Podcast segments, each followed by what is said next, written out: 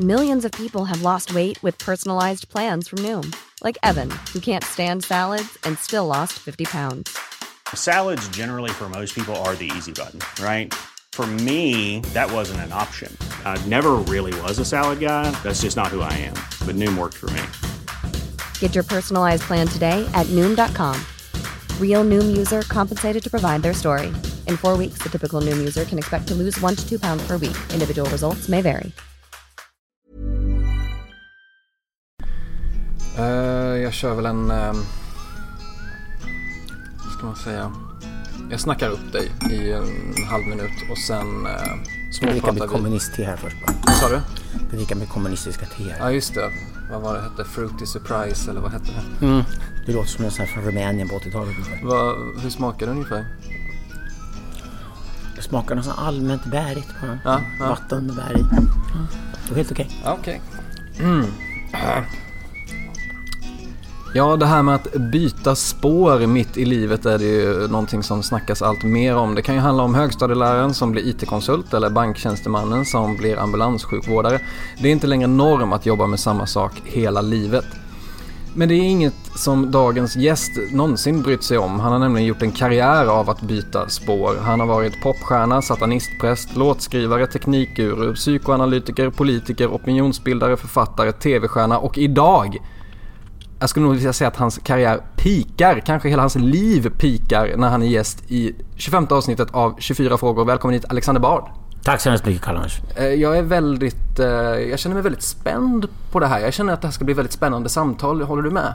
Ja, vi får se. Jag har festat väldigt hårt och sovit väldigt lite, men då pratar jag förmodligen lite långsammare än vanligt. Det brukar vara en fördel. Jag, jag ser bakfylla som alltid någonting positivt när det gäller intervjuer. Så vi kör igång. 24 frågor. Ja. Fråga 1. Hur känns det egentligen att vara Alexander Bard? Jag har ingen aning. Jag har inte så mycket att jämföra med. Du är den enda människan i hela världen som kan svara på den frågan. Ja, det, det är ju en relativ fråga. Det, det, hur känns det att vara Alexander Bard jämfört med någon annan av de här sju miljarder förvirrade människorna mm. på den här planeten? Mm. Och jag har inte varit någon av de andra så att jag, jag, eh, jag kan bara svara på det är att vara Alexander Bard just nu i sådana fall. Eh, ja, jag är 57 år gammal. Eh, jag har egentligen inte så mycket bytt karriär som att jag egentligen haft eh, ett par olika ambitioner i livet som jag lyckats infria. Skulle jag säga. Jag brukar alltid referera till mitt pojkrum när jag var sju år gammal. Mm. Jag hade en vägg full med rockstjärnor och hade en vägg full med filosofer och alla var män och alla hade skägg. Så det, jag har blivit de två sakerna kan man säga mitt liv. Jag försöker tänka på vilka rockstjärnor fanns det som hade skägg? Var det... det var 70-talet, så gammal är jag. Ja, men jag tänker... Han hade ja. mer eller mindre skägg allihopa och Gary Glitter hade en väldigt hårig mage. Ah, och hade han lockat med en buske hade jag säkert följt med honom på den tiden. Han blev ju sen känd som pedofil. Så det, det, det, det var de idoler jag hade då. Ja. 70-talet. Men jag gillade ju också Hegel och Nietzsche och de här 1800-talsgubbarna framförallt väldigt mycket. Men, Freud, som jag skriver om väldigt mycket idag. Förstod du dig på Hegel eller var det ett poserande? Nej, nej, nej. Jag fattade faktiskt ganska mycket av gubbarna. Sen fattar man ju alltid mer och bättre ju äldre man blir och läser om de här gubbarna. Och sen läser man dem genom varandra. Man läser en gubbe och så läser man en annan gubbe genom den första gubben. Mm. Och sen så börjar man också läsa kvinnor när man kommer in på 1900-talets filosofi. För då dyker de starka kvinnliga filosoferna upp. Mm. Eh, så att det, det har jag alltid varit intresserad av. Min, min, fråga var snarare, den här tonåren när, när jag läste de här filosoferna, det var snarare om jag kunde bli filosof själv. För det är nämligen så att filosofi är en konstform. Det är inte en vetenskap. Det är något större än vetenskap. Det är alltså mm. en konstform ytterst mm. sett. Och eh, då måste du också säga någonting helt nytt. Att du kan rita av en Picasso betyder inte att du är en Picasso. Nej. Och om du bara rabblar massa filosofi utifrån vad som redan har skrivits och sagts. Då, då är du bara en filosofilärare. Ja, då har du en C-uppsats. Ja, i bästa fall. Ja, i bästa det vill fall. säga om du läser, pluggar filosofi så kan du i bästa fall bli filosofilärare. Ungefär som om du pluggar konst så blir du framförallt konstlärare. Mm. Du blir inte konstnär i sig. Så det där kreativa som måste till, det här att nu säger jag faktiskt någonting som ingen har sagt tidigare eller jag har hittat ett samband som ingen har sett tidigare. Eh, det var ju inte givet i tonåren. Och då inser man också ganska snart att okej, okay, jag kanske lever under en tidsepok där det inte behövs speciellt mycket filosofer. För filosofer kommer ofta och går. Det är, det är ofta i samband med stora revolutioner, när samhället förändras radikalt, som filosoferna kommer in i bilden och är de bästa uttolkarna av vad som pågår. Mm. Men sen på 1990-talet när jag pikade min karriär som, i musikbranschen och, och var låtskrivare och artist och, och skivproducent. Då jobbade jag med det på heltid, dygnet runt verkligen och reste massor. Och 1998 sålde Ola Håkansson och jag Stockholm Records det skivbolag som jag var delägare i. Och då fick jag loss en massa tid att göra andra saker och då kom den här frågan upp om jag kunde i första hand bara Handelshögskolan i Stockholm som var intresserad av mina tjänster. Mm. Och det hade jag ju redan varit online sedan 1987. Alltså jag var online väldigt tidigt. Det var bara mm. några tiotusentals människor i världen som var online på mitten på 80-talet när jag, när jag hoppade på tåget. Mm. Så att jag har alltid varit intresserad av teknologi och insåg helt plötsligt att just internet är ett fenomen av den digniteten att det är någonting som filosofer måste ägna sig åt. Eh, och det är klart, internet fanns ju inte på Hegels och Nietzsches och Freuds tid. Nej. Så här fanns det massor med nytt att säga. Eller, eller snarare se det här nya stora fenomenet genom deras ögon. Vilket är vad jag och Jan Söderqvist har gjort i våra böcker. Vi tar ofta utgångspunkt i någon av de stora tänkarna. Och så ställer vi den här frågan som vi gjorde med vår första bok Netokraterna kom år 2000. Det, vad hade Karl Marx sagt om internet? Mm. Hade Marx sett ett klassamhälle växa fram med det här? Ja, förmodligen. Mm. Det är ingen annan som ser det, eller ingen annan som vill se det. Och då skrev vi också den första boken som handlar om det digitala klassamhället. Och då var just den boken Etokraterna. Sen har vi använt olika tänkare. Just nu sitter vi och sliter fullt med vår nya stora tegelsten som kommer hösten 2018. Och då är det Freud vi har som utgångspunkt. Vi kommer återkomma till den tegelstenen, men fråga två. Eh, var växte du upp någonstans? Jag växte upp på landsbygden i Östergötland, nära Vättern. Mm. Väldigt idylliskt. Jag vill se typ Motala eller något Ja, norr om Motala. Mm. Precis, ja. Och eh, vid en gammal brunnsort. Ett stort trähus. Eh, stor familj, fem syskon, jätteschyssta föräldrar. Eh, vi reste mycket. Eh, väldigt stor utblick på världen. Liksom. Det var fem dagstidningar varje morgon mm. hemma. Så man fick olika perspektiv på vad som pågår. Och kunde bilda sin egen uppfattning och hetsiga debatter vid middagsborden. Uppfostrades um, du till att bli en drömmare tror du? Jag var ganska minimalt uppfostrad. Jag var nog framförallt uppfostrad att försöka hitta min egen linje, eh, min egna åsikter om saker, min egen uppfattning och min egen ambition framförallt. Och sen se till att genomföra. Så mm. det viktiga för mina föräldrar var att ge mig ett gott självförtroende. Fråga tre. Du har nyligen ehm, meddelat att, att du engagerar dig i relativt nystartade partiet Medborgerlig Samling. Ja. Hur kommer det sig? Dels tycker jag att det är väldigt fegt att så många idag vägrar plocka upp en partibok och gå med i ett parti. Jag tycker, tycker det är en form av feghet som ligger där. Man vill helgarderas hela tiden, ha ryggen fri och sådana saker. Jag tänker inte kandidera. Man behöver inte alls gå med i ett politiskt parti för att kandidera. Man går med i ett politiskt parti för att säga att det här är det partiet jag ligger närmast. Jag tycker om den här partikulturen.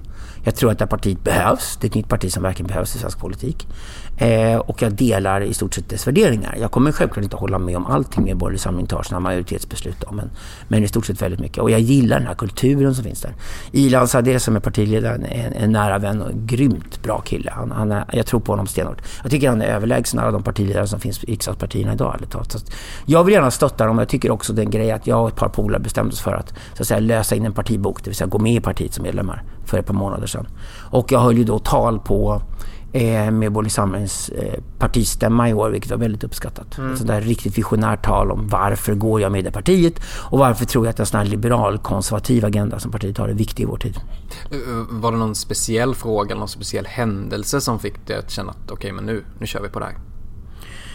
Ja, det är väldigt mycket det här arbetet jag och Jan Söderqvist har gjort med den här senaste boken. Digital libido heter den. Den kommer komma ut här i höst. Och det är väl så helt enkelt att jag är väl libertarian mest av allting. Jag, jag tror liksom att man ska uppfostra folk till att kunna acceptera och, och hantera så mycket frihet som möjligt. Eh, det är på lång sikt det bästa för ett samhälle överhuvudtaget. Jag tror på, på vuxenheten. Jag tror liksom att vårt samhälle vi lever i idag är väldigt infantiliserat och, och det är en väldigt farlig utveckling. Så det gör mig till libertarian. Men, men det jag höll talet om här, det var just det som kallas för LibCon idag, alltså samarbetet mellan det liberala och det konservativa.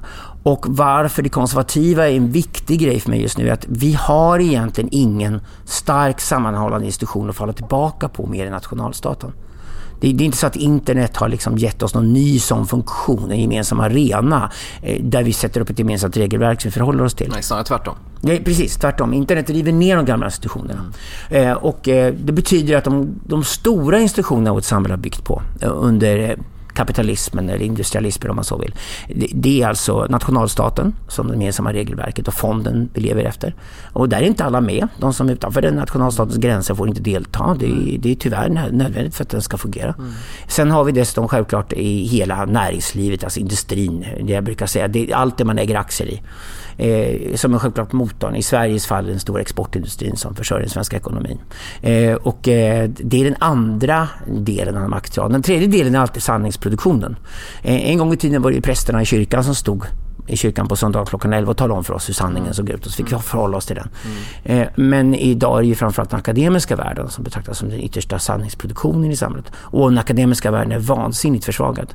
Det, det är universiteten och högskolor nästa stora krissektor i samhället. Det kommer att gå till helvete. Och det är helt enkelt för att idag om man är en smart ung student så sätter man sig och kollar på YouTube-föreläsningar istället för att gå på någon taskig föreläsning på en högskola. Mm. Och, och, sen är det egentligen bara fråga om att gå och ta ett test någonstans och sen så är man klar med sin utbildning. Och den här utvecklingen går väldigt, väldigt fort. Den är väldigt spännande. Men för mig är det så att när det gäller sanningsproduktionen är jag inte så oroad därför att det kommer nya sätt på internet idag till godgörelse kunskap. Jag har alltid varit ett stort fan av Wikipedia. Om man en gång har surfat runt på Wikipedia så lär man sig förmodligen också att man sen kan läsa böcker och skaffa sig mer djup. Mm. Lyssna på podcast är ett sätt att göra till mm. exempel. Mm. Mm. Och det finns så många medier idag där man kan tillgodogöra sig kunskap och, och fortbilda sig hela livet, eller vidarebilda sig som jag säger. Um, och det är sånt jag jobbar med själv. Så det är inte jag så orolig för. Uh, jag är heller inte orolig för näringslivet för att jag deltar i tech startup-scenen. Det skapas nya företag hela tiden. Man använder nya teknologier idag för att, för att bygga nya affärsidéer. Internet slaktade ju framförallt eh, affärer de första 10-15 åren. Mm. Men idag är internet istället ett medel för att skapa nya affärer. Och så där funkar det också. Den svaga länken här, det är den politiska makten. Den kallas imaginära makten, mm. filosofins värld. Det vi tänker på när vi hör ordet makt. Och problemet är att fortfarande har ordet makt idag så tänker vi Donald Trump eller Stefan Löfven och liknande. Mm. Och politikerna har i själva verket väldigt lite makt och inflytande. Makten har blivit mer diskret, den har flyttat på sig, den är inte längre demokratiskt tillgänglig. Och det här är väldigt problematiskt. Och då måste vi, anser jag, under överskådlig tid i alla fall, förstärka nationalstaten och demokratin. Och det är därför jag så att säga, som libertarian själv gärna lierar mig med konservativa människor som, som slåss för de gamla institutionernas överlevnad. Därför att det är, det är just nu den viktiga striden att ta. Hur ser du på den eh, ekonomiska makten? Ja, den finns alltid där. Alltså det, det det finns människor som sitter på resurser och det finns de som inte har resurser. Men vi har ju alltid i våra böcker, Jan Söderqvist, jag hävdar att den ekonomiska makten får en ny överbyggnad som hamnar ovanför kapitalismen som blir ännu viktigare. Och vi kallar den här nya makten i våra böcker för attentionalismen. Okay. Eh, attentionen blir viktigare än kapitalet. Och attentionen är helt enkelt att någon lyssnar på dig när du säger och gör någonting. Ett perfekt exempel på det är att ta ett vanligt Twitterkonto. Jag har 85 000 följare runt hela världen och twittrar mm. på engelska. Mm. Sen finns det väldigt många människor som har 20 följare på Twitter. Eller kanske ännu färre. Och vi går mot ett samhälle där den som har 85 000 följare snart har 100 000. Medan den som har 20 följare snart har 12. Så att mm. makten koncentreras på internet mer och mer till några få personer eller några få organisationer och företag som har ett enormt starkt inflytande. Därför att de helt enkelt har klurat ut hur de ska göra för att öka sitt inflytande. Och det här är inte bara en fråga om hur många följare du har, det är också självklart en fråga om vilka följare du har. Det är ännu viktigare att du har rätt följare, att du har väldigt många följare. Och det här skapar då maktkoncentration av ett helt annat slag än vi sett tidigare. Och om man inte vill titta på den maktkoncentrationen utan bara fortfarande pratar om vem som har mest pengar, då missar man tåget just nu. Mm. Attentionen viktigare än kapitalet. Uh, ja, uh, hur... hur um, du var inne på Marx innan. Uh, just det här med ackumulering av makt. Jag menar, i, i, i det här attentionsscenariot så finns det ju inte arbetare och kapital på samma vis. Jag menar, kan man någonsin få någon slags rättvisa i, i, i det här attentions Uh, nej, nej, man kan inte nej. få det och det är där det dör så att säga. Jag är inte kommunist. Jag följer inte med Karl Marx hela vägen ut och sitter med Engels och honom där och hejar på kommunistiska manifestet. För att det, för mig är drömmen om det kommunistiska paradiset en total illusion. Det är ett fullständigt absurt samhälle man ska tänka sig det. Men det var den kristna himlen också. Det finns alltid såna här irrationella utopier som inte har någonting med människan och våra drifter och begär att göra överhuvudtaget. Mm. Och jag har inga illusioner att vi ska skapa ett samhälle som på det sättet är jämlikt. Därför att det är snarare där, där resurserna är lika fördelade, för det är de inte. Jag brukar säga så här att ett konkret exempel på att attention fungerar, det är en vanlig krog på en fredagkväll. Och jag tror nog säkert att om du går dit Karl-Anders så förbehåller du dig rätten att du kan tänka att ragga vissa personer, väldigt många personer du inte vill ha sex med och som inte vill följa med hem. Okej, och du anser att du har rätt att göra det. Och det är samma sak när du går ut på internet idag. Du anser att du har rätt att bestämma vilka du tänker följa på Twitter och vilka du framförallt försöker bli kompis med på Facebook. Mm. Sen kan ju de alltid nobba dig. Mm-hmm. Eh, och det här är ju någonting vi tar som helt naturligt, att vi ska kunna säga ja eller nej till relationer med andra människor. Och eftersom det nu är relationerna med andra människor som driver attentionen, så kan vi ju glömma att den attentionen blir jämnt fördelad på något sätt. Det är inte så att Googles algoritm säger när du skriver in ett sökord, du skriver in filmjölk till exempel. Då kommer inte Googles algoritm säga att alla som håller på med filmjölk i hela världen hamnar rätta på vår lista. Och det måste du kolla på alla som gör filmjölk. För annars är inte världen rättvis. Utan det är ju självklart så att algoritmen talar om vem är det i hela världen idag som är bäst på filmjölk? Vem, har den, ja, vem har den hemsidan där man läser mest om filmjölk, där man stannar längst, där man använder funktionerna, hemsidan som man rekommenderar till andra människor när man är intresserad av filmjölk och så vidare. Och den blir rätta på algoritmen och den har inte betalat för att rätta på algoritmen. Det är den som betalar på Google-sidan är den som sätter in en ad och försöker desperat kränga sin filmjölk till dig. Den som redan är bäst på filmjölk och hamnar etta i algoritmen och alltså har högst attentionsvärde är ju faktiskt där helt gratis och kommer också få störst trafik och genererar ännu mer trafik. Så att det här är hur attentionen fungerar. Och vi la upp då ett teoretiskt ramverk under den här attentionalismen för 20 år sedan. Och sen kom vi till slutsatsen att förr eller senare kommer attentionalismen slå ut kapitalismen. Och vi brukar säga att årtalet 2012 var det årtalet när skiftet till attentionalismen skedde. Utan att väldigt, mm, det var nästan ingen som debatterade det, men det skedde faktiskt. Och det var helt enkelt när algoritmerna mer och mer pekade på och, eh, att kraften eskalerade i de som fokuserade på attentionen jämfört med de som slängde pengar på att marknadsföra sig själva. Eh, fråga fyra. Om jag har gjort min research rätt så har jag räknat ut att du fick rösta i riksdagsvalet första gången 1979. Ja, teoretiskt sett ja. Ja, eh, röstade du då? Var det val det året? 79 ja. Det var det, okej. Jag var inte i Sverige då. Nej okej, men kommer du ihåg första gången du röstade i, i ett svenskt riksdagsval? Nej, inte exakt. Jag kommer ihåg att jag röstat ganska många gånger däremot. Jag tycker det är en bra grej att göra. Gå iväg liksom och stoppa in din lapp i valurnan. Det, det är en bra, bra grej att göra så att jag, jag brukar alltid rösta. Men eh, när du var ung, säg på 80-talet, vad, vad brukade du rösta på då? Jag kommer ihåg att jag alltid personvalskryssat sen, sen den möjligheten kom in. Därför jag tycker det är bäst att också markera att en viss politiker som jag tycker företräder mig.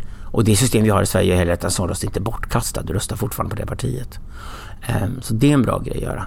Eh, jag kommer inte ihåg exakt vem jag röstat på. Jag har väl... Även om jag läste Marx när jag var ung och i mitt arbete så tycker jag inte de svenska vänsterpartierna är intresserade med ett dugg. De, de slutade läsa Marx på 60-talet. Eh, Vänsterpartiet är, ju absolut inget marxistiskt parti överhuvudtaget. De har ju tappat helt kontakten med Marx. Det är väl snarare ett parti idag som, som bara håller på med identitarianer som det heter. De håller bara på med folk som gnäller över att de är diskriminerade i sin identitet. Och det är ju en extremt tröttsam politisk fråga som inte leder framåt på något sätt alls. Och det betyder att jag tycker att det som kallas identitetsvänstern och extremhögern det är exakt samma sak. Och jag är totalt ointresserad av identitarianerna. Det är snarare mina fiender idag. Eh, så att... Eh, i- Går det att tillämpa en politik som ger fler människor möjligheter och rättigheter i ett samhälle så är det en positiv grej. Socialdemokratin som, som den var byggd från början var ett intressant projekt på det sättet. För det var ett enda stort bildningsprojekt för svenska folket kan man säga. Det var en positiv grej från början. Det är inte vad partiet håller på med idag däremot. Så eh, jag har väl snarare hållit mig åt det liberala hållet. Jag tycker väldigt mycket om Annie Lööf. Hon är en, eh, en vän också och, och eh, jag tycker att hon gör ett bra jobb och är konsekvent i sin politik med Centerpartiet. Och jag var med och jobbade med Centerpartiet när de byggde det här kontroversiella idéprogrammet. Kom en fråga på det. Men... Ja, Jan Söderqvist skrev förordet till det, presentationen i programmet. Eh, jag tycker hon är bra och intressant, absolut. Och förhoppningsvis ser jag väl som, som att Medborgerlig Samling, när de, när de väl lyckas, skulle kunna vara en bra samarbetspartner kanske till Centerpartiet och ett lite upphottat Moderaterna. Ehm, Ehm, det pågår ju just nu en, ehm, en het debatt i Sverige om det här med bönutrop. Vad, vad är din take på det? Ja, alltså varför ska någon få hålla på och sprida reklam gratis i det offentliga rummet? Om någon sätter upp en stor reklamskylt så förväntas de åtminstone betala för att de står där. Liksom. Eh, så att bönutrop är ju bara reklam från minareten för att nu ska ni gå till moskén och be.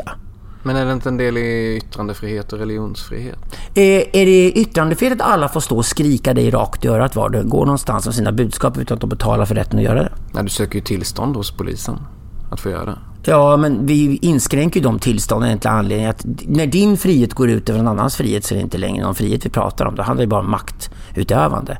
Eh, och det betyder att det offentliga rummet delar alla människor. Vi delar luften vi andas, det är därför miljöfrågan är viktig. Och vi delar också tystnad och vi delar ljud och vi delar eh, plats.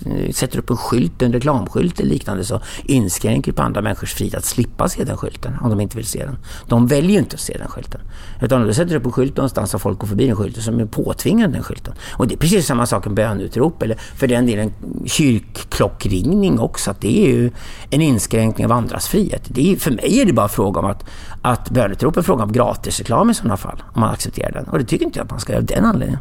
Men ska alla bara gå runt och hålla käften då eller? Nej, men då ska man i sådana fall ha tydliga regler för. Jag är väl för att man kan få bönutrop i ett bostadsområde om medborgarna i bostadsområdet får betalt för att lyssna på det här bönutropet. Mm. Tycker jag att den moskén ska betala för det. Att de tar det utrymmet. Det är helt okej. Okay. Om en majoritet av medborgarna i ett område säger att det är okej okay att vi har bönutrop här. Ni ska betala fett mycket för det för vi ska orka höra er när ni skriker. Ja, men kör på det då. Men att, att det offentliga utrymmet ska få användas av religiösa krafter gratis när alla andra krafter i samhället, om de politiska eller kommersiella eller vad de är för någonting, får betala för det utrymmet. Det tycker jag är helt befängt. Uh, du var inne på det lite innan. Fråga fem här. Eh, 2013 så var du med i en arbetsgrupp som tog fram Centerpartiets idéprogram En hållbar framtid. Ett program som fick mycket kritik. Det slutade med att Annie Lööf fick avbryta sin Thailandssemester och du hoppade av i början av 2014. Och då kallade du Centerpartiets kvinnoförbund för tror att det här är ett direkt citat, missfosterhjärnor. Ja, det är de verkligen. Vad minns du jag från den tiden? Jag hatar Centerkvinnorna. Jag tycker de är fullständigt dumma i huvudet. Och vad fan gör de i ett liberalt parti? De har aldrig bedrivit någon liberal politik överhuvudtaget. Centerkvinnorna är liksom en slags terrorkvinnor som ska absolut gräva sig in i ett eget sovrum och styra över ett eget liv i detalj. De håller på med en agenda som jag inte förstår vad den har i Centerpartiet att göra överhuvudtaget. Och varje gång jag påpekar för Centerpartister att det här kvinnoförbundet är helt sjukt, det är ett fascistiskt kvinnoförbund. Varje gång jag påpekar det så svarar de bara ja, vi måste dras med dem. Det gör man ett stort parti. Man drar omkring på såna grejer. Och då tänker jag bara så här, nej, ni är bara fega som inte säger ifrån och slänger ut det här kvinnoförbundet. Jag tycker Centerkvinnorna är en skam. Och jag, jag, jag kände också det att skulle jag sitta och vara ärlig, jag hade liksom gjort mitt jobb. Mitt jobb var ju liksom vara med där som draglok för att få igenom ett radikalt liberalt idéprogram, vilket också var Annes idé. Och jag tror inte Annie offrade så mycket som folk tror. Alltså, en massa grejer i det programmet gick igenom har blivit Centerpartiets officiella politik idag. Och Centerkvinnorna får heller inte stöd för sin linje i resten av partiet. Det ska man komma ihåg. Men jag vill inte dela parti för människor som jag så fullständigt motsätter mig som Centerkvinnorna. Jag kan inte sitta i ett parti och bara låtsas att ja, det finns några idioter i andra änden på det här bordet som bedriver någon slags fascistpolitik. Att jag ska köpa det. Utan i det fallet så tycker jag det är bättre att jag inte är med i det partiet. Men uh, just att det blev så stor debatt och att du ändå var en del av det Um, blir det liksom, hur, hur, trivs du i ett sånt drev eller vad man ska säga? Eh, vi lyckades. De stora viktiga punkterna i det programmet blev partiprogrammet för Centerpartiet. Och Centerpartiet har fått en mycket mer liberal inriktning. För mig var det också en strategifråga. Och det var att skifta Centerpartiet från att vara ett parti för bönderna som det var från början till att bli parti för moderna småföretagare. Eh, och det håller det på att bli. Mm. Centerpartiet har också ökat, det har blivit dubbelt så stort som när det programmet kom. Mm. Och poängen med det programmet är att vara radikal och ta i ordentligt. Och sen kanske inte månggifte i liksom, äktenskapsbalken var det viktigaste av alltihopa. Det var i alla fall ett test på hur långt man kunde gå. Eh, och ifrågasättande av tidigare normer. Och det tycker jag vi gjorde rätt som var med och skrev det här programmet. Jag är stolt över hur vi gjorde. Och det är så politik bedrivs. Man sätter upp ett D-program, man tar i ordentligt, sen så softar man ner en aning till själva partiprogrammet. Men man har redan flyttat positionerna. Och idag tror inte jag någon betvivlar längre Centerpartiet i alla fall har, har ambitionen att vara ett liberalt parti. Att Annie Lööf skulle vara liberal. Jag menar, hon bedriver ju till exempel en kraftfullt liberal ekonomisk politik. Eh, och där tycker jag hon gör det bra. Jag ser ju för min del att jag hellre min medborgerlig samling där jag kan vara kompromisslös eh, och passar in ännu bättre med den ideologin. Men jag mm. ser Centerpartiet som en eh, stark potentiell samarbetspartner till medborgerlig samling på sikt. Fråga 6. Förutom Annie Lööf, eh, har du någon bra kontakt med andra svenska toppolitiker eller partiledare idag? Ja, det intressanta är det här att om man är med i den politiska sfären men inte kandiderar då är det väldigt många som vill vara kompis med en. Mm. Därför man är inte med som rival med de andra överhuvudtaget. Alltså jag är ofarlig att prata med. Mm. En sån här agent som jag älskar är Stickan Ljunggren som ofta förknippas med Socialdemokraterna men egentligen finns i hela politiska fältet och som mm. alla polare med. Statsvetare och gammal, gammal SSU-topp. Just det, han är statsvetare och väldigt smart. Mm. Och väldigt, väldigt cool. Han kan det här. Han har varit med länge. Han, han liksom ser också på nästan cyniskt manér, eller machiavellianskt manér, så ser han egentligen politik bedrivs. Så att han kan alla de här sakerna. Eh, Stickan är toppen tycker jag. Och, och min ambition är att vara en stickant light, typ. Att det är kanske mer åt borgerlighetens håll om han befinner sig i sådana fall. Men att befinna mig nära alliansen och de nya partierna runt omkring och kunna ha dialog med dem. Och då blir jag ofta någon slags go-between också. Att det är det är inget konstigt alls för en politisk ledare i Sverige att kontakta Alexander Bard och kolla om den här eller den här grejen händer. För jag är gärna en go-between mellan olika aktörer som finns på politiska arenan. Jag tycker det är toppen att kunna vara det. Därför att jag tror på förbättrat samarbete. Hur ofta händer det då att en partiledare ringer upp dig och vill prata lite? Det händer ofta när det dyker upp känsliga saker. Mm. Och sen har det blivit så också att eftersom jag själv blev utsatt för mediadrev redan på 90-talet och lärde mig stå ut med dem och lärde mig besegra dreven. Så är det många som är av sig också när de råkar ut för drev personligen. Mm. Hur, hur hanterar man ett drev då? Ja, det finns några enkla eh, regler. Eh, det första jag kräver av en person som ringer mig och säger att nu har jag hamnat i blåsten här och nu, nu har drevet kastat sig mig. Det är det första jag kräver, att träffa dem och sen sitta ner och, och få den totala sanningen. Vad har egentligen hänt? Mm. Det är ju som vilken advokat som helst. Du, du säger att jag, här, jag håller tyst om vad vi säger, det stannar mellan oss, men jag vill verkligen veta exakt vad som har hänt. Så att jag inte får reda på någonting senare som, som visar stämma som du inte har sagt. För det går inte. Så vi, först lägger man liksom ner alla korten på bordet. Det här är vad som verkligen har hänt. Så tittar man på vilka som angriper, man tittar på varför de angriper. Upptäcker att det ofta inte är någonting man ska ta personligt. Mm. Det är bara helt enkelt att man blivit måltavla för någonting som är en del av en helt annan agenda än den man själv ingår i. Eh, och då bemöter man det på exakt det sättet. Det viktiga är helt enkelt att säga, här står jag. Det här är vad jag står för. Det här är vad jag har gjort. Det här är vad jag inte har gjort. Det här är vad jag anklagas för som inte stämmer. Det är vad jag anklagas för som jag gärna erkänner, ja det stämmer. Mm. Okay. Så du sätter ner de punkterna. Du har en tydlig, klar policy om var du vill landa någonstans. Och sen ser du till att få ut ditt budskap. Och ibland går det inte att komma igenom mediastormen. Den är så stark så du blir inte hörd. Mm, mm. Eh, då är det ofta bra att vänta. För förr eller senare kommer journalisterna ringa dig som måltalare för drevet. Och då kommer den intervjun vara den mest värdefulla av alla.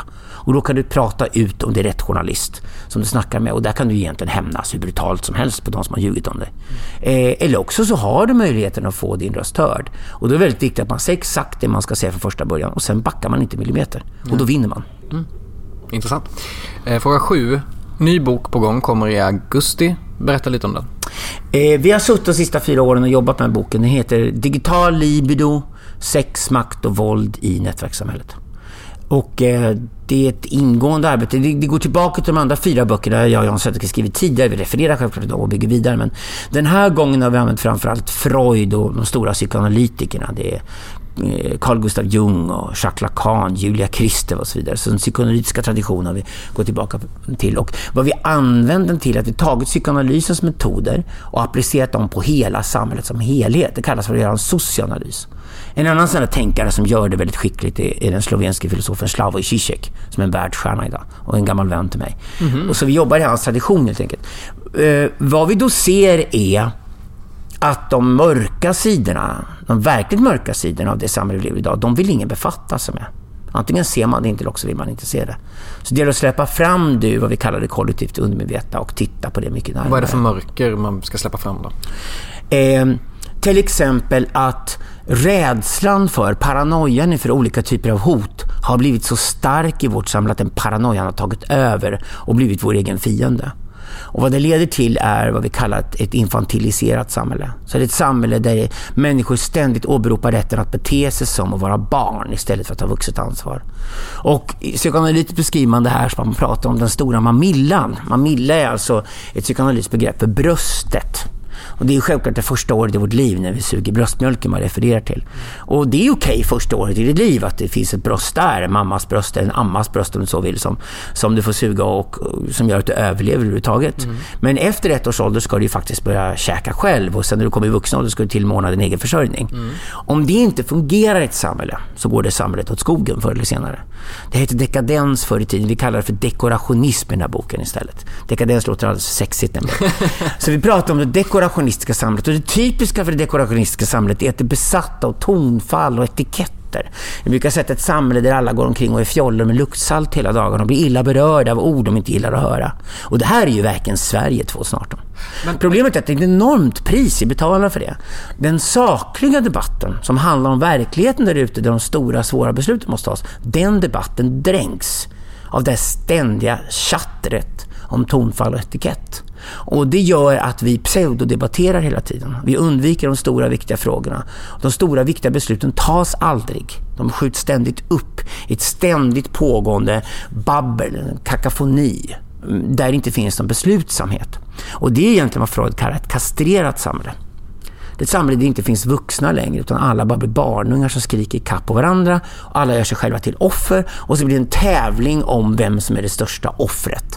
Det här är både identitetsvänsterns och extremhögerns stora problem. Det, är bara det de håller på med, offerkultur hela tiden. Och ett sånt samhälle har ingen vision, det har ingen riktning. Då går det heller inte att bygga någon strategi vart man ska gå. Och då går det åt helvete. Och jag anser att inget av dagens riksdagspartier i Sverige till exempel har någon som helst vision om framtiden. Jag har aldrig hört Stefan Löfven säga ett enda ord om vilken framtid vi ska gå in i. Jag hör inte Ulf Kristersson säga det heller. Så att om ingen politiker har ens en idé om hur framtiden ska se ut, om det bara handlar om att bli omvald för att sitta vid sitt jobb fyra år till och låtsas hålla på med något viktigt, då är det ju jättefarligt. Men, men eh, jag har tänkt på det här ganska mycket och jag eh, känner att förr i tiden i väst, kanske framförallt i Sverige som har varit en ganska skyddad eh, liten tillvaro här uppe i Norden, att nästan alla de stora samhällsfrågorna har kunnat lösa sig med ett långt samtal om typ fördelningspolitik. Men att vi nu helt plötsligt så har det kommit in en massa andra saker i debatten som en vanlig svensk kanske inte riktigt vet hur man ska förhålla sig. Vi pratar om kultur, vi pratar om identitet, vi pratar om ja, men safe spaces och vi pratar om allt möjligt sånt där som inte riktigt går att passa in i fördelningspolitiska samtalet. Vi ska sluta prata om det, vi måste avslöja vilken pseudodebatt det är. Om man sitter idag på ett universitet i Sverige och kräver att safe space där man ska slippa höra saker man tycker är obehagliga, så är man en ren jävla barnunge. Och det är det fallet vi går in, jag och Söderqvist säger så här, vi accepterar inte att vuxna människor som till exempel pluggar på högskolor beter sig som barnungar. Vi hänger alltså ut dem i deras eget beteende, så det här är inte acceptabelt. Du får inte ha ditt safe space. Du ska klara av att höra vad som helst om du går på ett universitet eller högskola. Det ska högskolestudenter klara av. Så den här kuddvärlden som unga människor lever i idag måste tas bort ifrån dem. Och för, för att det är en hård verklighet där ute och det går inte längre att lura ungarna och tro att de kan liksom springa omkring och slippa obehagliga saker hela dagarna. Och framförallt så kan vi inte ha pseudodebatter om till exempel att man använder tufft ord och bara automatiskt blir en hatare och liknande man har gjort. Nej, jag använder bara tufft språk lyssna på själva argumentet för det är det debatter handlar om. Ja, men jag tänkte, häromkvällen så var det partiledardebatt i SVT och då sa Sverigedemokraternas partiledare Jimmy Åkesson rakt ut att ni pratar om skattehöjningar och skattesänkningar dit. Det har ni gjort i flera decennier. Kan ni inte prata om något annat? Och det kände jag att det är ju en väldigt tydlig Eh, steg från just det fördelningspolitiska samtalet till någonting annat. Eh, borde... Ja, nu ska vi säga också att Jimmy Åkesson försöker smita från sitt eget problem och han har sett nya hot som Medborgerlig Samling som kommer idag som faktiskt är skattesänkarpartier. Eh, Sverigedemokraterna är fortfarande ett högskatteparti. Och jag anser att högskattepolitiken idag, om den bedrivs av den svenska vänstern och av Sverigedemokraterna, så är den ett lurendrejeri. Vi kommer inte kunna ha ett högskattesamhälle i framtiden. Kryptovalutor, e-handel och andra saker kommer göra det omöjligt att bedriva ett samhälle där människor i snitt betalar 70% i skatt, vilket de gör i Sverige idag. Räknar på arbetsavgifter och alltihopa så är vi uppe i en väldigt, väldigt hög skattenivå. Vi har fortfarande de högsta skatterna i världen. Och det är inte acceptabelt i längden. Det kommer inte hålla. Och det är inga politiker som vill ta den debatten eftersom alla riksdagspartier idag är högskattepartier. Det är därför det behövs en ny kraft idag som säger att vi ska ha en radikal sänkning av skatterna. Staten ska ägna sig till den verkligen borde göra och den ska bort från massor med olika delar av samhället där den inte behövs. Och framförallt ska vi inte längre betala själva skattebetalare för att staten bedriver propaganda mot oss. Vilket vi gör idag. Den nuvarande regeringen med Socialdemokraterna och Miljöpartiet lägger oerhörda resurser på att tvinga på oss sina åsikter. Vilket ju totalt anskrämligt i en demokrati. Det är väljarna som själva ska resonera fram till och ha en debatt om vad de anser. Och sen ska det ligga till grund för demokratin. Det ska inte vara politikerna som tvingar på sina åsikter på väljarna. Det gör de i Sverige idag. Men motsäger du inte lite dig själv? För att eh, kan man verkligen tvinga på någon en åsikt i det här tidevarvet?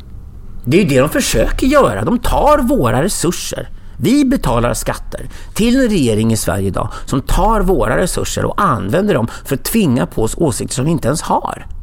Det var Alice Bakunke till exempel på med som kulturminister hela tiden. Jag anser det totalt oacceptabelt. Jag, vill inte ha en, en, en ideologisk regering i betydelse att den ska tvinga på sin ideologi med våra resurser som den använder sig av. Jag tycker att partistöden är åt helvete.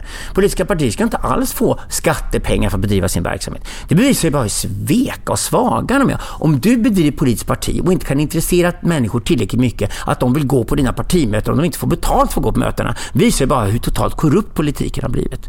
Partistöden ska bort. Politiska partierna ska inte få några pengar alls från staten. Om de inte klarar att bedriva sin verksamhet utan att de får ekonomiskt stöd från staten, då ska de dö. Fråga 8. Uh, eh, om man kollar på din karriär så jag får en känsla av att nej men här, den här klyschan alltid var i centrum. Men att du hela tiden vill göra saker som folk inte riktigt kan fly undan ifrån. Att folk eh, måste ta hänsyn till dig eftersom du gör anspråk på ett utrymme, på utrymmet på nya kreativa sätt. Det ska liksom vara omöjligt att ignorera dig. Hur blev det så? Nej, det finns ingen sån taktik överhuvudtaget. Jag säger inte att det är en taktik. Nej, men då, då, då, men det är kanske en magkänsla? Nej, men du ser inte tillräckligt djupt i sådana fall. Vad okay. det ofta handlar om att jag jobbar som filosof och, och eh, framtidsforskare, futurolog. Det är de två grejerna jag håller på med. Den här sorts litteratur som jag och Jan Söderqvist skriver kallas för futurika litteratur. Alltså, futurika är när filosofi möter eh, framtidsforskning. Så att, hur kommer inte bara framtiden vara annorlunda idag? Hur kommer vi själva förändras av den framtiden? Hur kommer våra värderingar förändras av den framtiden? Det är det vi är intresserade av. Mm. Eh, och då betyder det att jag sitter ofta och lyssnar på debatten först och hör vad folk säger och upptäcker att alla har ju fel här. De pratar till och med om fel saker, de betonar fel grejer. De är, de är ute på ett ställe och cyklar. De letar ofta där lampan lyser i rummet istället för att leta hela rummet även där det är mörkt. Och då sitter jag ofta och tittar på det och upptäcker att men här är hela förutsättningarna för det samtalet är felaktiga. Mm. Och så går jag ut och säger det. Och då uppfattas det självklart som att det jag säger är kontroversiellt eh, och eller det banbrytande kanske inte av. Och, och, eh, eh, och då blir det en het debatt om det. Känner du att du har ett ansvar att säga det om du känner att debatten är på fel håll? Nej, det är mer att jag kan göra det. Mm. Och jag tror att det blir bättre om jag säger det jag säger. Så eh, någon narcissism finns det inte som mig i alla fall. Det kan jag garantera det. Och det beror på att jag var i musikbranschen 25 års tid. Och musikbranschen drivs väldigt mycket av narcissister. Varenda rockstjärna står ju på scen för att de vill bli sedda och hörda. Mm. Eh, till slut är du så trött på det. Du är trött på att ha de människorna omkring dig. Och du har definitivt blivit så trött på dina egna drag åt det hållet så det har tagit slut för länge, länge sedan. Jag tror snarare det handlar om att jag vill hålla på med det som fascinerar och intresserar mig mest. Men väldigt mycket det jag hållit på med har råkat vara saker som också hamnar i det offentliga rummet. Och då hamnar jag där själv. Och då får man ta det. Det är inte bara fördelar med att synas och märkas offentligt. Det kan finnas många nackdelar också. Men jag klagar inte, jag säger bara att min, mina jobb har ofta varit förenade med en offentlig roll. 9. Har du någon eh, ovana som du skäms lite för? Nej. Skäms jag för någon ovana? Nej, jag tror att jag har ganska bra koll på saker jag gärna skulle vilja hunnit göra men inte hinner göra. För det handlar ju om att prioritera. Som vadå? Man kan alltid säga att man kan äta bättre. Man kan alltid säga att man kan röra sig mer. Man kan alltid säga att man tränar mer. Man kan alltid säga att man borde läst en bok till. Mm. Och så vidare. Men, men de, det handlar ju alltid om att jag har medvetet prioriterat någonting annat som var viktigare. Och man har bara ett liv att leva. Så att jag kan inte sitta och säga att jag på det sättet ångrar någonting. För när jag tittar på det jag inte hunnit göra så har det alltid handlat om att jag offrat det för att någonting annat varit viktigare. Okej. Okay. Eh, fråga 10. Vad gör du när du inte behöver göra någonting alls? När du är helt fri? Festar. Ja. Jag älskar att festa. Festar hårt. Blir... Reser och festar. Blir du inte trött? Jo, man blir trött av att festa, men man är inte trött när man festar. Och jag kör hårt när jag partar. Jag partar alltid värst av alla. Jag kan liksom inte bara lägga ner. Jag tycker det är så vansinnigt kul. Så när alla andra liksom ramlat ihop klockan nio på förmiddagen, då kör jag till tio i alla fall. Liksom, jag lägger ner. Eh, så funkar jag. Eh, det är mitt sätt att blåsa ur huvudet också, tror jag. För att det som ofta händer när jag har festat väldigt hårt är att jag kan sitta och skriva 20 000 ord på ett nytt bokkapitel dagen efter. Mm. Det gör inte många andra människor. De flesta ligger helt utslagna flera dagar. Jag ligger utslagen ett tag, vaknar och skriver massor och sen somnar jag igen.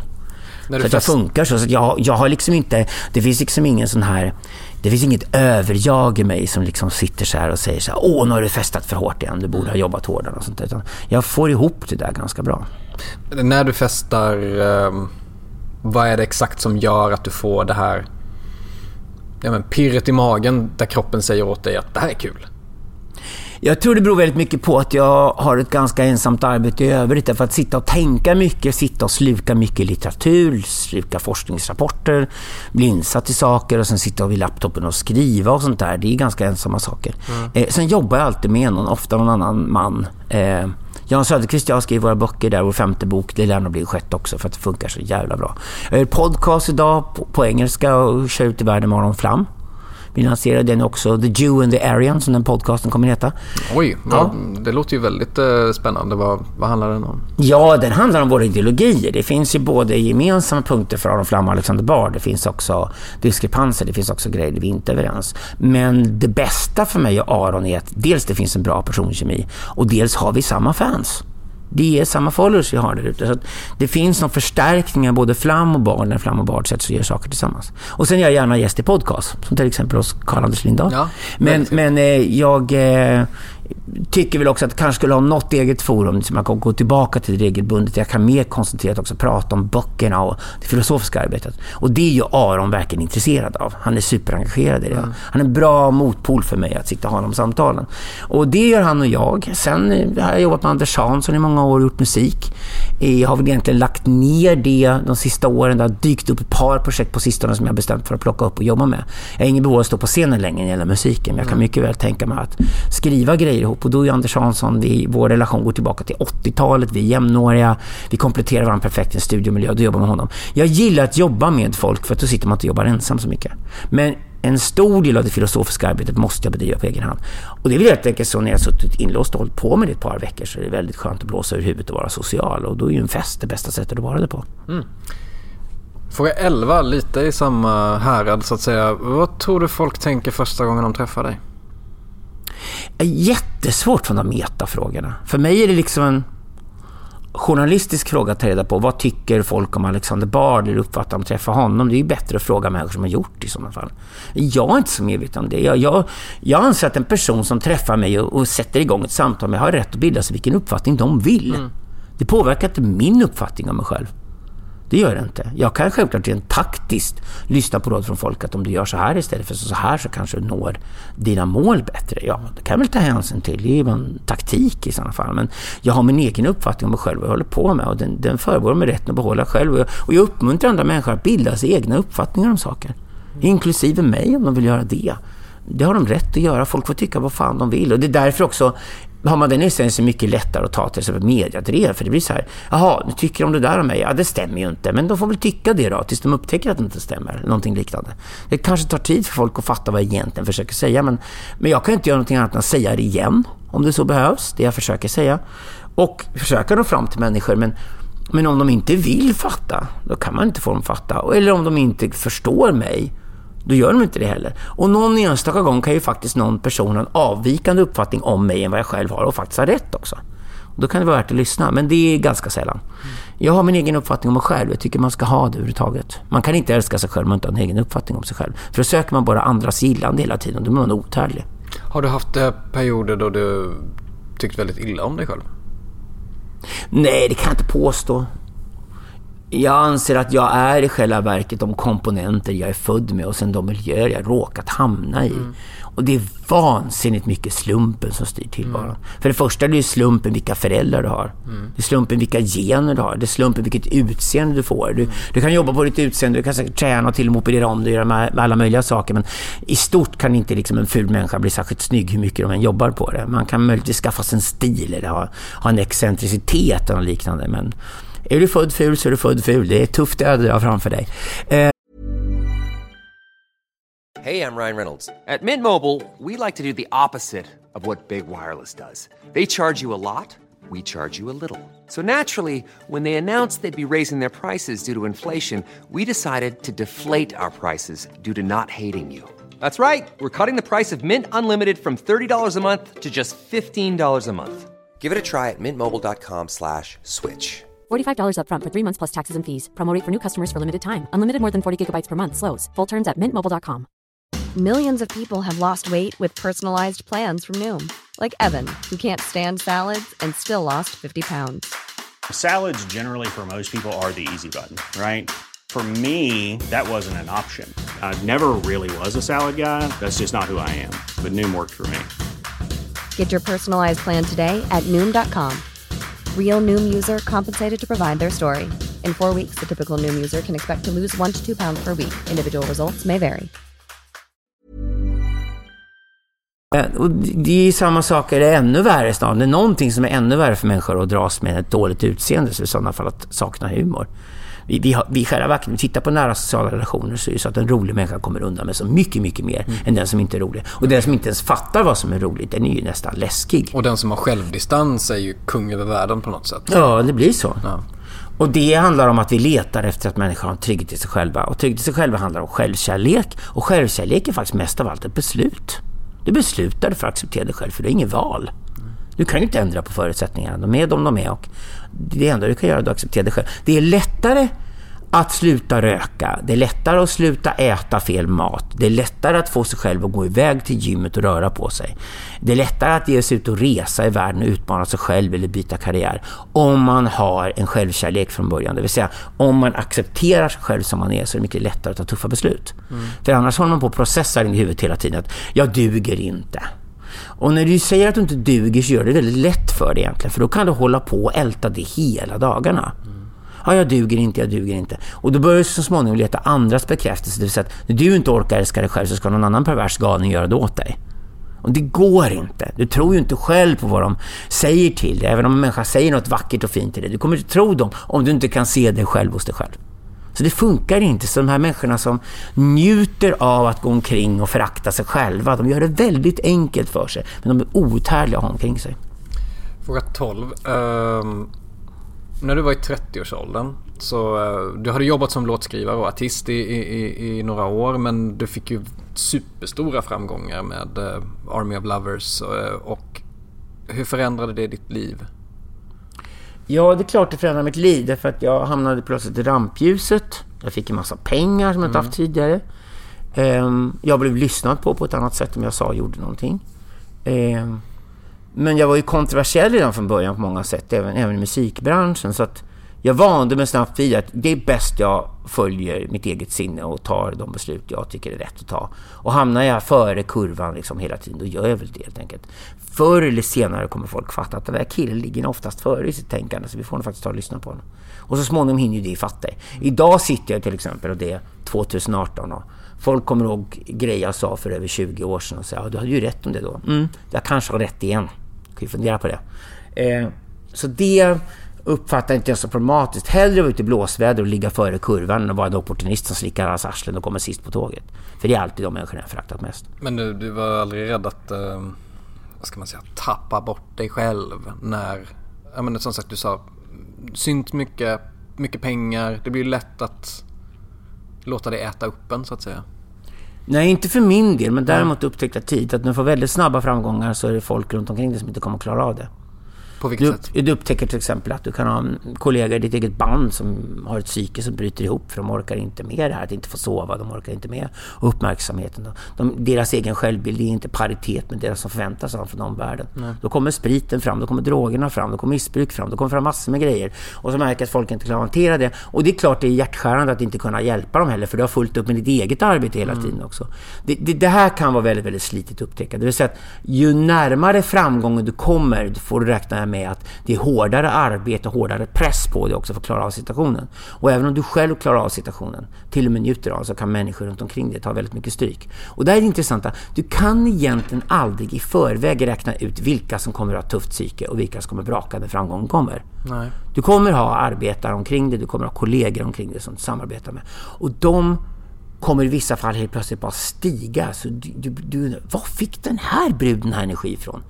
Hon var ju jätteblyg och rädd för ett år sedan och nu när hon står på scenen så bara exploderar hon. Ungefär som det var en självklar sak i världen att hon ska vara där hon är just nu. Toppen, det var ju skönt det då i sådana fall. För sen har du också de här människorna som har sett så lovande ut och allt har verkat så bra och de har så mycket talang och de har jobbat så hårt och slitit och så kommer den där framgången till slut och de blir allas älskling och de bara brakar fullständigt och klarar inte av det alls.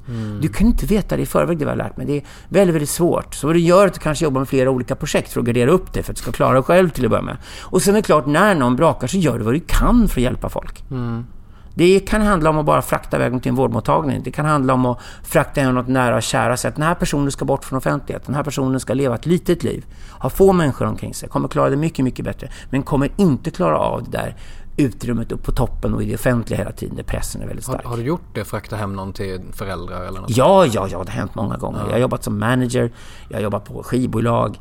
Eh, senaste åren har jag självklart jobbat mycket mer i den här filosofiska världen och det är näringsliv man jobbar med, det är politiker man jobbar med andra makthavare.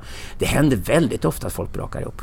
Alltså utbrändhet är jättevanligt. Det är klart att det blir vanligare närmare toppen du kommer av samhället. Därför att pressen på dig ökar. Mm. Du får bara jobba hårdare om du kommer längre upp. Det blir inte enklare. Fråga 13. Du har ju på senare år egentligen fått en helt ny Eh, om man säger, du har blivit kändis för människor som kanske inte visste vem du var för några år sedan. Jag tänker framförallt yngre människor som ser dig på, som tv-domare på fredagskvällarna. Uh, hur är det att vara lite sån här, den här roliga gubben i tv för många barn och unga som aldrig lyssnat på din musik och, och sånt där? Ja, jag vet inte hur länge jag kommer hålla på med det heller. Det är ingenting jag säger att jag ska hålla på med resten av mitt liv. Jag tror snarare att den här rollen som filosof och debattör och sånt är, är det jag kommer hålla på med liksom, tills, tills demensen tar mig ungefär. Men det finns en fördel med att vara så pass offentlig och sitta till exempel i ett brett tv-program som Talang. Mm. Mm. Och det är mina vänner omkring mig. Det är inte så dumt om du gör den där grejen. Den tar inte upp så mycket tid för dig. Du kan egentligen göra det lite grann med ena handen. Det är som gjort för din personlighet att göra den där grejen. Du har talangen för att göra det själv. Men varför inte sitta där för att få connection med vanligt folk? Mm, mm. För väldigt mycket av det arbete jag bedriver är att de här böckerna jag och Söderska skriver är svåra böcker. Det är filosofi för tusan. Mm. Alltså det är avancerade grejer. När jag sitter och jobbar med en ledningsgrupp på ett företag i näringslivet och vi ska digitalisera det företaget. Då är det också väldigt avancerade saker man ser. Man sitter med själva ledningsgruppen företaget. Mm.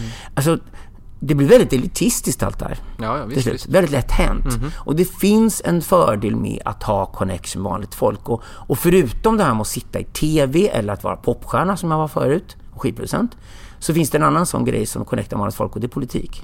Mm. Så till exempel, gå med nu i Medborgerlig Samling kanske också sätt för mig att säga så här, ja men då träffar jag liksom människor från hela samhället, från landsbygden, från andra städer än Stockholm. Jag är ute och åker i landet och sånt där. Och träffar människor som är politiskt engagerade och som ofta är väldigt kloka. Liksom. De har livserfarenhet som jag saknar. Och det finns ett spännande samtal som uppstår i det. För att jag har alltid gillat vanligt folk. Mm. Jag liksom, min, min utgångspunkt filosofiskt är att jag alltid för massan mot eliten i ett samhälle. Därför att eliten korrumperas alltid i ett samhälle. Den, den, den anser sig stå över allt och alla förr eller senare. Den, den, den, går på den myten och då är det väldigt viktigt att ha connection med vanligt folk där ute och, och lyssna på dem och också ofta vara deras röst. Och jag kan säga så här att sitter jag som domare i Talang på TV4 så är det också ironiskt nog lättare för mig att sympatisera med och förstå vanligt folk när när den här mediaankdammen i Stockholm drar fram och ska uppfostra folk hur de ska tänka och bete sig. Sånt där. Och det är då jag också ofta blir förbannad. Jag blir förbannad på när eliten talar om för vanligt folk hur de ska tänka.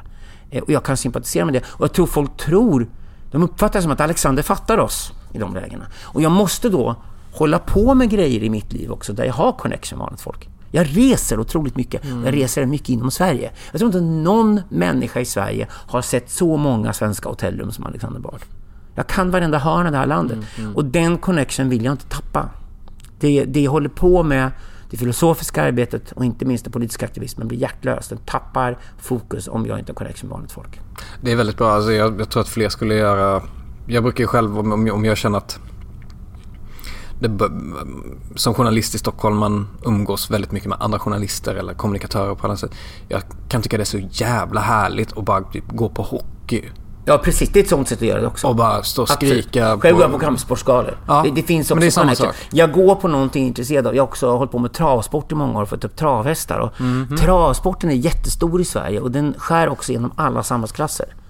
Det är liksom, du kan ha ett gods ute på Ekerö och vara travsportsentusiast. Mm, du kan också mm. vara en arbetare i Mariestad. Mm. Eh, och äga en egen häst och allting. Så det har också varit ett sätt för mig att, att eh, var engagerad i någonting. Och när jag går på en travbana, då vet alla människor att det är Alexander Borg, ja. Mm. Han födde upp travhästar. Det är det mm. första de tänker. Och sen, mm. ja, sitter han i tv och sånt ja. där. Men det är, en, eh, det är skönt att tillhöra subkulturer som har connections utanför den här lilla bubblan som är Stockholm. För att, precis som du så sitter jag, jag bor ju mitt i Stockholm och reser jag så är det Arlanda och ut i världen som gäller. Och det betyder att när jag kommer hem till Sverige så blir det en värld som är liksom Bromma, Vasastan, Södermalm och där pågår en väldig massa små intriger hela tiden som blåses upp och uppförstoras.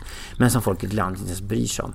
Därför är det skitviktigt för mig att vara ute och jobba. Föreläsa runt hela landet träffa företag överallt, träffa folk överallt. Och, och någonstans är också den här connection via tv-apparaten ett sätt att nå, nå människor ute i landet. För det är ju det är ett massmedium trots allt man mm. jobbar med. Det är väldigt många som tittar på linjär tv fortfarande fast man har dödförklarat den i 20 år. Ja, men alltså content flyttar bara till nya eh, forum. Talang på TV4 till exempel är jättestort online numera. Mm, mm. Man tittar inte längre på tablåtid. Man kan kolla på Talang när man vill. Och framförallt kollar man på inslagen i programmet. Mm. Det är ju egentligen uppbyggt som en slags YouTube-TV. Varenda inslag, enda element som händer i programmet blir ju sen jättetacksamt att ha i sociala medier. Så det är därför det är ett stort tv-program idag och växer. Mm, mm. Det är ett av de få stora ungdomsprogrammen i Sverige som växer nu och får fler tittare. Och det beror på, på att det är så otroligt online-vänligt. Fråga 14. Tror du på Gud? Det beror på vad du menar med ordet Gud. Du får ta den frågan hur... Jag tänker inte utveckla den frågan mer. Ja, då måste jag först då beskriva vad jag menar med ordet Gud. Så här är det. Genom hela universums historia har vi gått igenom fyra stycken stora emergenser eller singulariteter. Alltså fyra saker som har hänt som åtminstone från ett mänskligt perspektiv förändrar villkoren totalt. Det första är fysikens födelse och det är själva Big Bang. Det finns en fysisk värld. Eh, den andra stora händelsen som händer sen är, är, när kemin uppstår helt plötsligt ur fysiken. Från ingenstans så finns kemi plötsligt. Den tredje stora emergens som händer är när biologin uppstår, åtminstone på en planet som vi känner till och det är jorden. Mm. Och för bi biologin helt plötsligt finns, livsformer uppstår. Eh, och det är sen sin tur, från mänskligt perspektiv så finns också den fjärde emergensen, singulariteten, och det är medvetandet. Som än så länge vad vi vet är någonting som åtminstone några få människor har. Mm. och, ja, ja. Eh, och det är en, ett mänskligt fenomen. Vi ser ingenting som medvetet på något sätt tillvaron förutom oss själva. Eh, det här är ju tydliga emergenser. Det betyder att när de här sakerna har hänt, åtminstone utifrån människans perspektiv, hela historien förändras radikalt. Mm. Världen förändras fullständigt. Och då är det ju inte helt osannolikt att någon gång i framtiden skulle kunna hända en femte sån här emergens eller singularitet. Och vi skriver om det här i vår bok Synteism, att skapa Gud i internetåldern. Då skriver jag om Söderqvist ungefär så här att om vi, om vi tänker oss att vi liksom, i vår del av världen i alla fall har kristendomen bakom oss och så gick vi och blev sekulariserade och sen vågade vi slut kallas för ateister och säga att vi tror inte Gud finns. Det är en viss Gud vi pratar om. Det är den kristna guden vi pratar om som mm. vi inbillar oss att vi inte längre tror på. Eh, men när du tittar på hur människan fungerar psykoanalytiskt så kommer hon alltid ha massa uppfattningar om metafysiska entiteter, att det finns något högre än hon själv, det finns någonting man vill uppoffra sig för, annat än sitt eget stora feta ego. Och, och är det inte annat så är det ju det stora feta egot i sig som är en religion, det heter individualismen och det är också en religion, alltså individen är också en form av gud. Så vi plockar ner allting, jag och Söderqvist, vårt arbete och säger att gudar har vi egentligen överallt. Vi, att påstå något annat är att ljuga för sig själv. Så du kan dels säga att om Gud inte finns, men Gud är namnet på det vi helst av allt vill ha, då får vi skapa Gud. Och att skapa Gud är egentligen vad jag alltid försökt göra med teknologi. Då kommer in på sådana saker som artificiell intelligens till exempel. Okej, okay, den artificiella intelligensen kommer ha många olika uttrycksformer men de kommer allihopa sträva efter att förenas med varandra. Mm. Vi människor kan ju inte förenas. Mm. Vi kan egentligen inte slå ihop alla sju miljarder kropparna på jorden och så blir det en enda kropp av alltihopa. Men vi kan få de sju miljarder kropparna att nätverka med varandra och då är det internet. Och då frågar de inte just internet kombinerat med artificiell intelligens går mot att bli Gud. Om inte annat så är det kanske Gud kommer skapa något annat slag. Vi har fyra olika vägar fram till att skapa Gud i den här boken. Så tror jag på Gud? Ja, om jag får ha förebråelse att Gud är någonting som kommer att hända. Då tror jag på Gud. Har du någonsin haft någon stark relation till den mer traditionella abrahamitiska guden?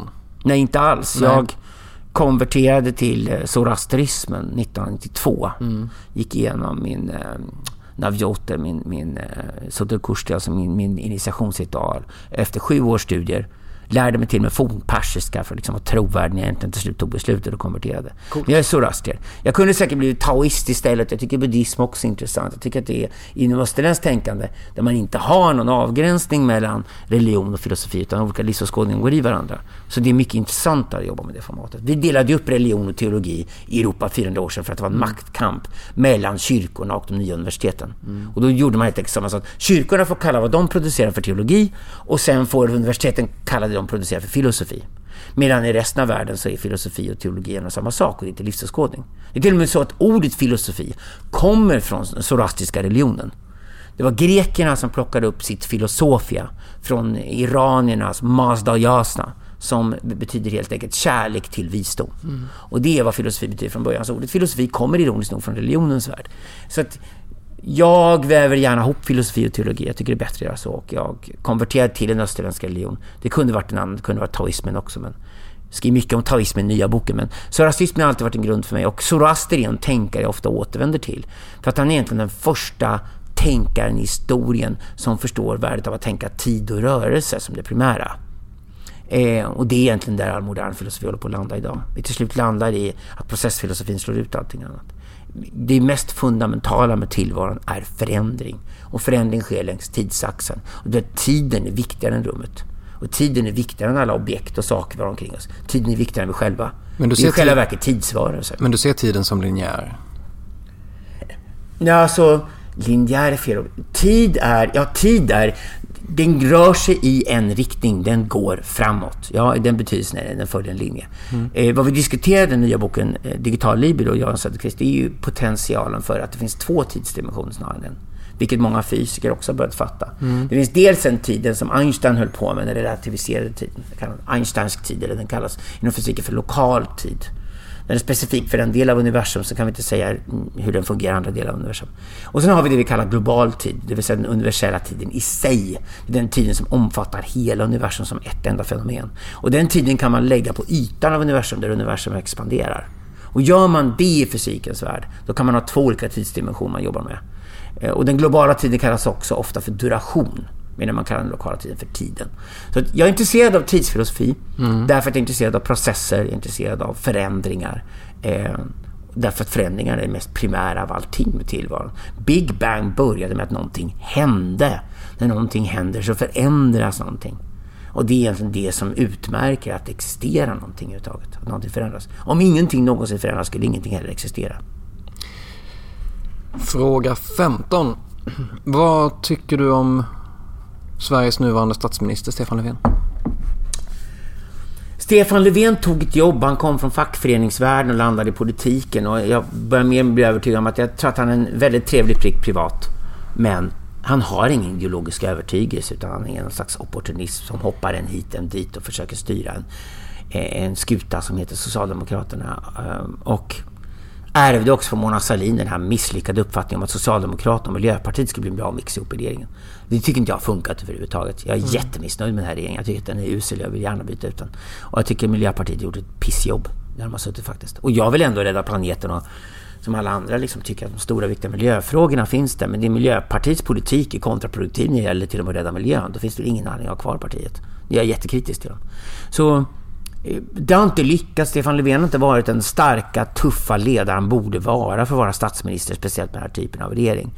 Och han byter politik hipp som happ. Liksom. Om opinionen sticker åt ena eller andra hållet så byter liksom Socialdemokraterna linje, vilket tyder på att det är ett rent maktparti.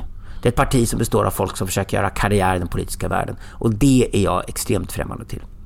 Uh, Jimmy Åkesson har ju kallat Stefan Löfven för en snäll man som inte borde vara statsminister. Du verkar vara inne på lite samma linje. Ja. Och den där snälla mannen är också en snäll man därför att han inte har någon linje. Han vet inte vart han ska. Det finns ingen vision hos Socialdemokraterna. Jag tror att de tappade allt det där när de började köra löntagarfonderna. För det var någon den sista idén i en lång serie idéer om att arbetarna till slut skulle ta över näringslivet trots allt. Och så insåg alla att om arbetarna tar över näringslivet istället för att entreprenörerna driver det, då kommer all innovation försvinna. Då kommer näringslivet dö. Det kommer inte gå liksom. Arbetare är specialister som är bra på det de gör. Det betyder inte att de är bra på den stora visionen för ett företag till exempel. Och då, när löntagarfonderna skulle drivas igenom så trodde inte Socialdemokraterna själva på det längre. Det Nej, det var- projektet nej. fallerade fullständigt. Nej, det var ingen som trodde på det. Nej, Kjell-Olof Feldt var till och med öppet emot det hela tiden. Men de körde ändå den linjen. Olof Palme tog den linjen. Vi ska köra löntagarfonder. Vi ska låtsas att det här är ytterligare ett projekt i långkedjaprojekt som vi kommer bedriva framgångsrikt. Och det floppade brutalt. Och sen dess Socialdemokraterna varit ett virrvarr ända sedan 1980-talet som sökt efter och hoppat på liksom olika infrågor. Mona Sahlin var värst av alla där, för hon var ingenting annat än en opportunist. Dessutom förmodligen ganska lat, jobbade väldigt lite, kunde inte ens sköta sin egen privatekonomi och hoppade från den ena innefrågan till den andra för att verka hipp. Och det ska man inte vara i politikens värld. Det, då är man körd fullständigt. Och där tycker jag att Socialdemokraterna finns idag. De är alltså väldigt, väldigt sårbara eftersom de så mycket slåss för att vara kvar på den här 30 nivån som politiskt parti för att förse tillräckligt många socialdemokrater med jobb och uppdrag. Det är ett, vad man kallar ett köttgryteparti. Det kokas en stor gryta och den ska sedan räcka till alla som hungrigt och girigt har satt sig runt grytan och förväntar sig att få uppdrag på grund av den. Och Moderaterna håller på att bli likadana och de här maktpartierna är jag väldigt skeptisk till. Jag tycker inte man behöver rösta på dem överhuvudtaget. Jag är mycket mer intresserad av att hitta någon som har en stark vision och där tycker jag att Ilans Adé och Medborgerlig Samling är outstanding idag. Och jag tycker att de riksdagspartier som finns så tycker jag Annie Lööf slår alla andra med hästlängder med den vision hon har. Och jag kan förstå att folk tycker Jimmy Åkesson i sådana fall är bättre liksom, än de andra klassiska alternativen. Han har i alla fall en linje som han kör. Det är inte köpt med Sverigedemokraterna att det är ett parti som försöker rädda en politik som inte kommer gå att rädda.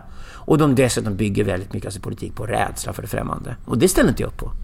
Jag har personligen inga problem med invandrare överhuvudtaget. Om de kommer till Sverige och har ett jobb, en bostad och kan försörja sig själva, då kan vi många invandrare som helst. Det har varit skeptisk till den migrationspolitik som de senaste åren har fallerat och inte fungerar längre. Kostar fruktansvärt mycket och det inte finns någon... Det finns ingen linje, alltså migrationen har inte ambitionen att funka längre. Den kommer inte leda till någon fungerande integration och då är vi farligt ute.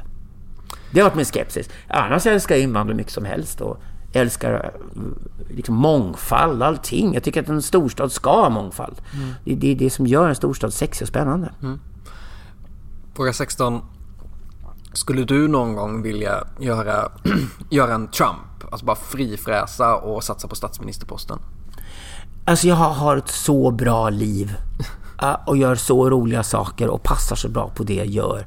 Att det sista jag skulle göra är liksom offra allt det jag har för att göra någonting som jag inte har lust att göra och förmodligen inte heller har talangen att genomföra. Jag tycker att jag kom till min rätt i politikens värld när jag fick chansen att hålla tal på Medborgerlig Samlings partistämma och gjorde mitt yttersta för ett bra jobb och blev väldigt uppskattad.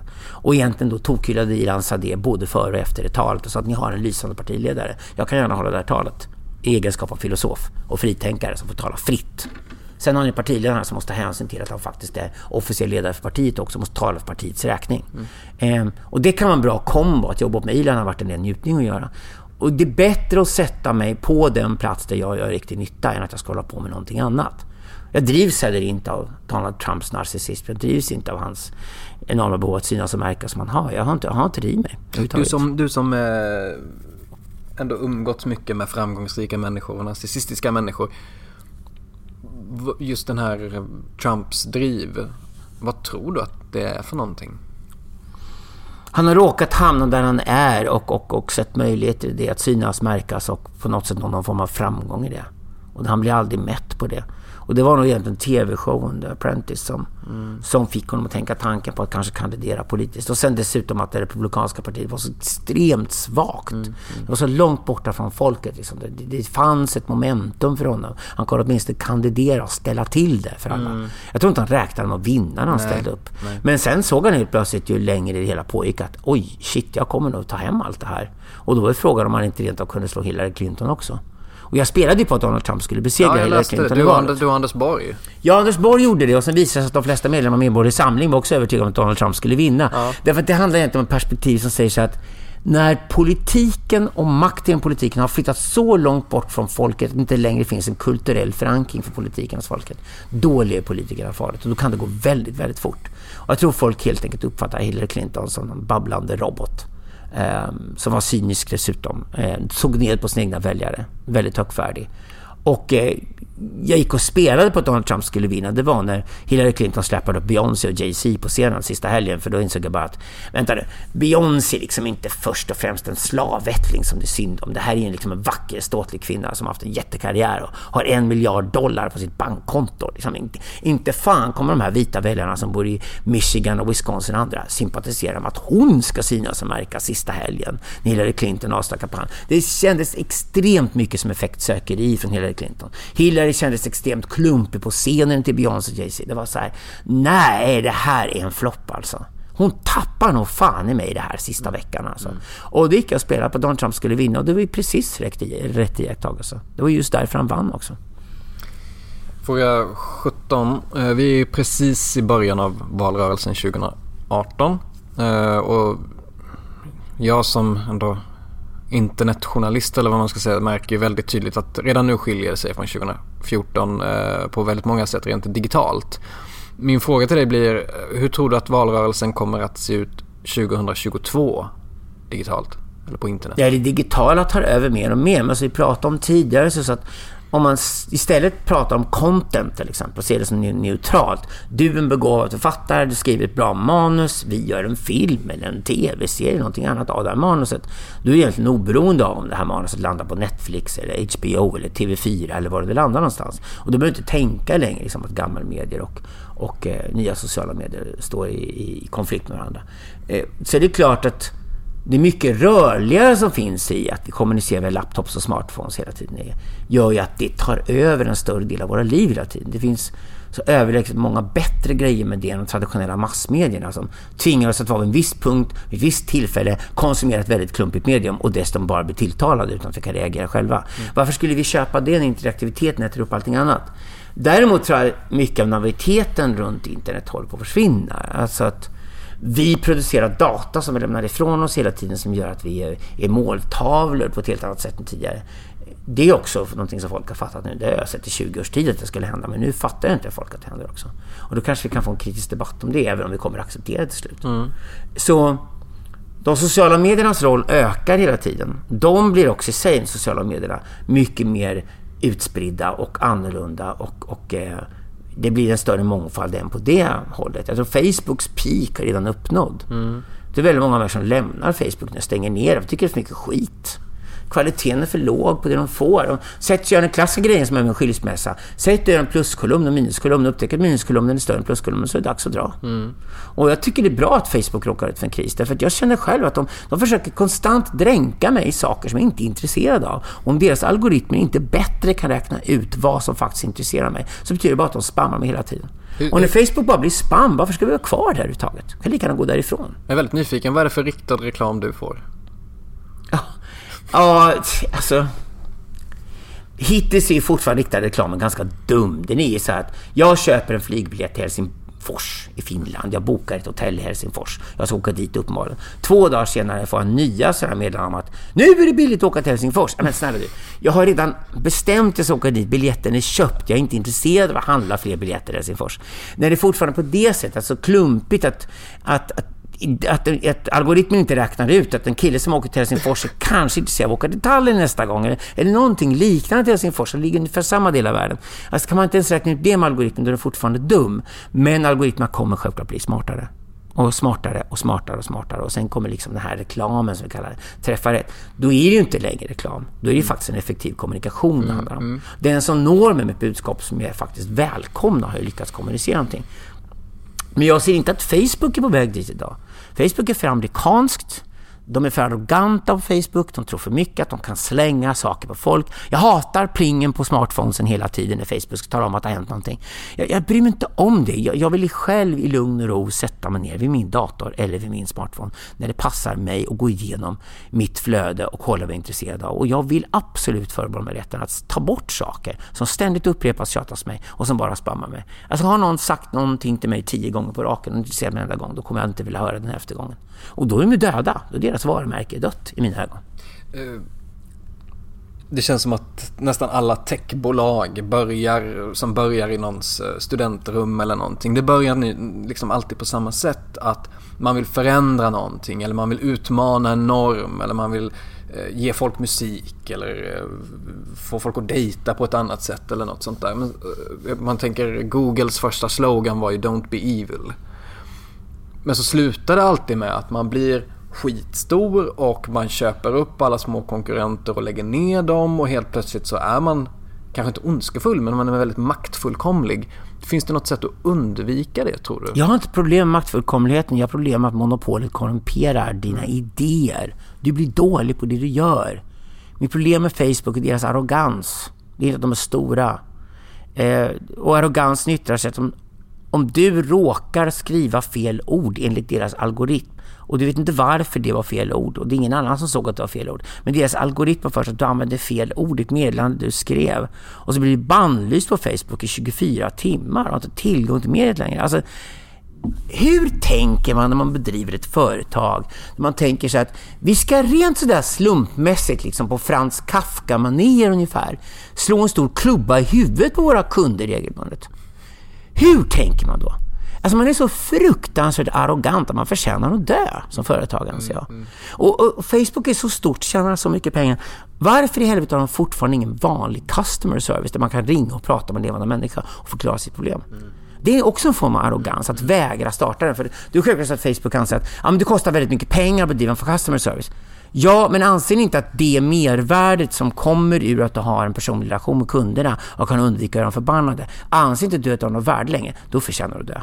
Och jag, jag tycker att de, just de amerikanska techjättarna lider enormt mycket av den här sortens arrogans. Och det kommer bli deras stora problem. Det är jag helt övertygad om. Det är inte så att Cambridge Analytica-skandalen är orsaken till att en miljon amerikaner i månaden lämnar Facebook just nu. Det gjorde de innan den skandalen briserade. Utan det är snarare arrogansen från Facebook gentemot användarna som gör att så många människor blir förbannade. Men och då kommer ofta de här företagen också upp med nya uppfinningar som är jättedåliga. Alltså, kommer vi verkligen vilja dejta via Facebook? Hallå, varför ska jag dejta via det medium där jag är kompis med min mormor? Alltså, dating är snuskigt och skitigt. Man gör det på Tinder och Grindr och vad det heter för någonting. Där man slipper bli sedd, man slipper blanda ihop det med andra sociala medier. Det är väl om någonting en grej som borde ligga i en egen app.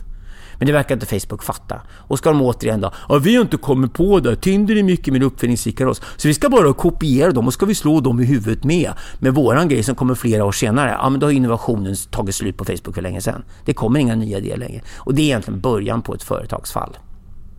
Fråga 18. Eh, vilken tror du är nationellt sett största utmaningen i Sverige närmsta tänkte säga 10, men jag utmanade lite, säg 20. 20 åren. Den största utmaningen vi står inför i Sverige är att vi har ett jätteproblem som heter infantiliseringen av vårt samhälle. Vi uppfostrar våra barn att bli barnungar för evigt. Vi sätter på dem cykelhjälmar och liksom skydd från allt obehagligt i världen. Det är inte det det handlar om. Det handlar om att det egentligen rent mentalt lurar barnen att tro att du kan leva i en fullständigt skyddad värld där ingenting hemskt någonsin kommer hända. Och det är ingenting obehagligt behöver hända heller. Du behöver aldrig brottas med någonting heller. Du sätter helt enkelt nappflaskan i käften på barnen från första början och du håller kvar dem där långt upp i vuxen ålder. Och du håller på att göra vuxna människor till infantiliserade varelser också. Och det är två problem vi har att brottas med. Det ena är högskattesamhället. Välfärdssamhället var kanske en god tanke från början men det har blivit en enda stor belastning. Det är att vissa medborgare sitter och pumpar in pengar blir, blir hårt beskattade för att sen finansiera andra människors barnsligheter och vägran att växa upp. Och det andra är konsumtionssamhället, för det leder tyvärr till exakt samma sak. Konsumtionssamhället är helt enkelt ett samhälle där vi, det krängs varor och tjänster till oss som lockar oss med att livet blir mycket enklare. Du slipper alla jobbiga saker. Unna dig det här, koppla av, slipp att tänka på allting jobbet du står inför. Och så blir vi bortskämda. Och det här kallas den stora mamillan i psykoanalysens värld. Den är väldigt tydlig i Sverige, för vi har både välfärdsstaten och högskattesamhället och vi har dessutom ett väldigt avancerat konsumtionssamhälle. Och jag orkar inte gå in längre i en butik och se ett urval på 800 olika grejer som alla är tvålar.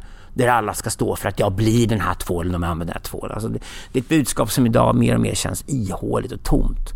Eh, men de flesta människor går på det och de har inga försvarsmekanismer mot det här längre. Vi har inte en kritisk debatt om hur man ska förhålla sig till konsumtionssamhället. Vi har absolut inte en kritisk debatt om hur man ska förhålla sig till välfärdssamhället. Det anses tas för givet av alla politiska partier i Sveriges riksdag att vi ska betala jättemycket skatt och de här skatterna är jätteviktiga att staten får in. Och sen ska staten satsa de pengarna på riktade olika projekt som ska ändra oss människor. En ändring som vi inte ens har bett om att få. Eh, Och ändringen är nästan alltid en fråga om att infantilisera människorna hela tiden. Det här håller inte. Vi är med på världsmarknaden idag. Vi ska fortsätta en stark exportindustri. Liksom. Sverige måste kunna klara konkurrensen med andra länder. Och vi kan inte infantilisera hela befolkningen samtidigt som vi ska vara längst fram i framkant eh, på förändringen och, och, och, kunna dra nytta av den. Sen finns det positiva saker i Sverige med. Vi har en stark techsektor i Sverige idag, många techstartups. Men jag är inte alls säker på att de här stora teknologibolagen som idag alstrar de nya jobben och alstrar värde i ekonomin, jag är inte alls säker på att de kommer stanna i Sverige om vi inte radikalt förändrar det samhället. De har all anledning i världen att fundera på att flytta någon annanstans när de blir tillräckligt stora. Och de kommer göra det om inte vi har ett mer företagarvänligt klimat i Sverige. Fråga 20. Eh, det här tycker jag ska bli lite kul. Eh, debattören och eh, Instagram-profilen Matilda Wahl, vet du om det är?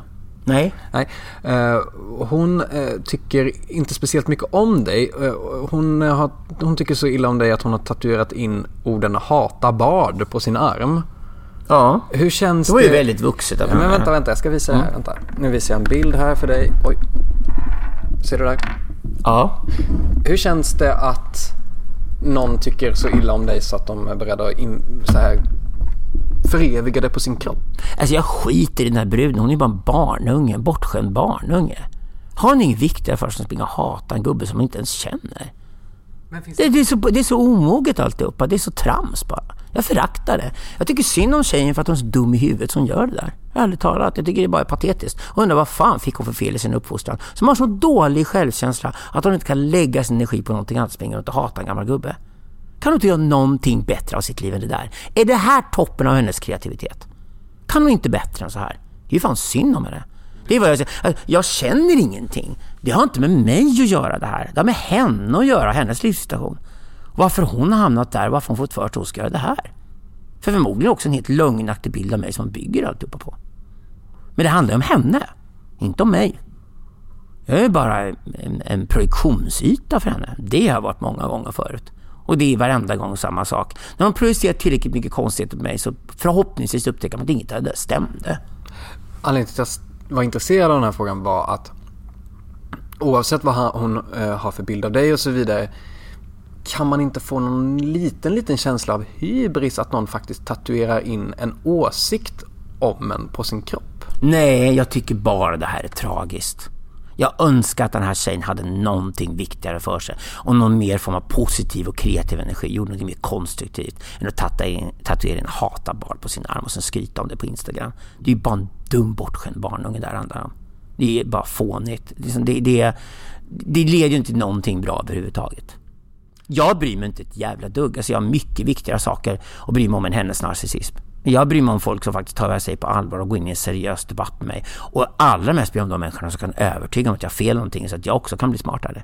Den debatten älskar jag. Jag älskar att byta uppfattning om saker. Den här bruden kommer inte övertyga om någonting annat än sin egen fåfänga. Det är det enda hon visar. Fråga 21. Är du rädd för att bli gammal? Nej, det är jag inte alls. Det finns både för och nackdelar om att bli gammal. Eh, man får anstränga sig mer när man gör vissa saker när man blir äldre. Eh, saker kommer inte lika lätt till en. Som vadå till Men, exempel? Ja, energinivån överhuvudtaget. Min är ju ändå extremt hög för min ålder om inte annat. Men, men det finns också stora fördelar med äldre. En sak är att man har varit med man känner igen saker. Det kallas visdom faktiskt och det är exakt vad det handlar om. Du, du har sett och varit med om så mycket så du känner igen saker när folk gör grejer. Så någon kommer in i rummet och är betydligt yngre än dig och de tror att de precis har sett någonting helt nytt. Mm. Och de kanske också förvirrade inför det nya. Och säger bara, nej, jag vet vad det här är för någonting. Det här är bara en ny variant av ett gammalt tema som jag har sett många gånger tidigare. Och det funkar så här och det här, därför är det här vad som kommer att hända. Och så kan man räkna ut det. Och det, att kunna förmedla den sortens kunskap till de som är yngre, det är, det är ett stort värde. Det är, det är vad föräldrar gör till barn till att börja med. Men det kan jag göra till exempel i ett mentorskap som jag har idag med någon som är 25 år gammal och pigg och hungrig och vill göra mycket saker. Och då, där 25-årings energi möter min, alltså 57-årings visdom. Det är en bra kombo. Mm. Det är jättespännande att hålla på med det. Och det kan jag bara ge av. Liksom, för att om jag är erfaren och varit med mycket och gjort mycket saker så kan jag använda det och hjälpa de som inte har en erfarenhet så att de kan lära sig snabbare. Det är poängen. Lite samma tema. Eh, fråga 22. Vad, vad vet du idag som du önskar att du visste för 30 år sedan när du var 25? Jag kan inte säga att jag önskar att jag visste det. Jag gillade att vara ung och dum lite grann och mm. chansa och prova mig fram. För det fanns en entusiasm i det också som, som jag kan gilla väldigt mycket. Att vara för klok för tidigt, att veta för mycket för ung kan också ta bort väldigt mycket av livslusten. Så att jag ser inte det som något problem för mig. Jag hade inte en klar linje vart jag skulle. Jag hade talanger jag var medveten om i 20-årsåldern. Och jag har faktiskt utvecklat och använt de talanger jag verkligen sitter på. Det har jag gjort. Och jag kan säkert göra mer. Jag inbillar mig fortfarande att Jan Söderqvist är min bästa bok. Den ligger i framtiden. Det mm. kanske är din till libido. Vi kanske får leva med resten av våra livet. Det här var fullträff. Det här var verkligen den totala ansträngningen. Vi gick, gick all in och vi var rätt person att säga någonting viktigt om någonting som var viktigt. Men det kan man inte veta förrän i efterhand. Men... Eh, nej, jag, jag, jobbar ju fortfarande hårt och tycker det är kul jag gör. Så jag har inte tappat någon av den energin i alla fall. Och nu kan jag jobba mycket mer utifrån att jag vet vad jag håller på med. Eh, jag brukar säga så här, Jan Söderqvist och jag debuterade som författare när jag var 39 år gammal. Han är lika gammal som jag, så jag är båda 39 år.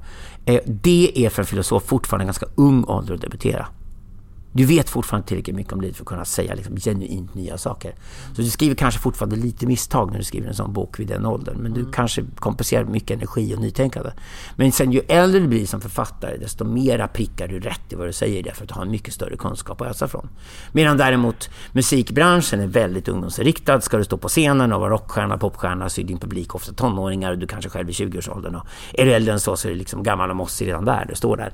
Så det, det musikbranschen gör det ju så att du är stjärna på scenen när du är yngre och sen går du över till rollen som producent och låtskrivare och manager när du blivit äldre. Och hade jag stannat i musikbranschen då, 57 år gammal, då hade jag garanterat varit en av skivbolagsdirektörerna. Mm, mm. Det är mina egna kollegor från min egen generation som är direktörerna för skivbolagen idag.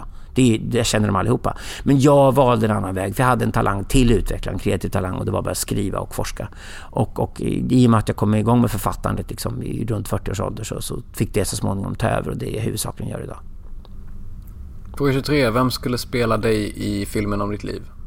Jag har ingen aning. Alltså, ärligt talat. Jag hoppas inte dö när den filmen görs. Jag hoppas det handlar om några av mina relationer snart. Det handlar just om mig också. Jag tycker inte jag är så vansinnigt intressant. Det är snarare sammanhang jag istället hamnar i som är intressanta. Men för mig är mina nära relationer idag ett privatliv. Det är mm. ingenting jag skulle skriva om. Jag har fått frågan om jag kan tänka mig att skriva en autobiografi. Liksom, så jag säger nej.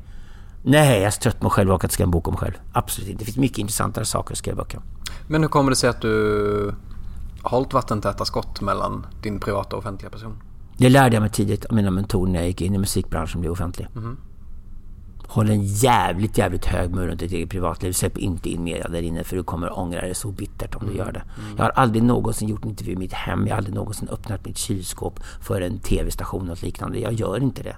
det, det och mina nära relationer är extremt privata och håller dem hemliga och alltihopa. Så det, de människorna jag lever till ska inte bli utsatta för den offentlighet som jag själv står i. Nej.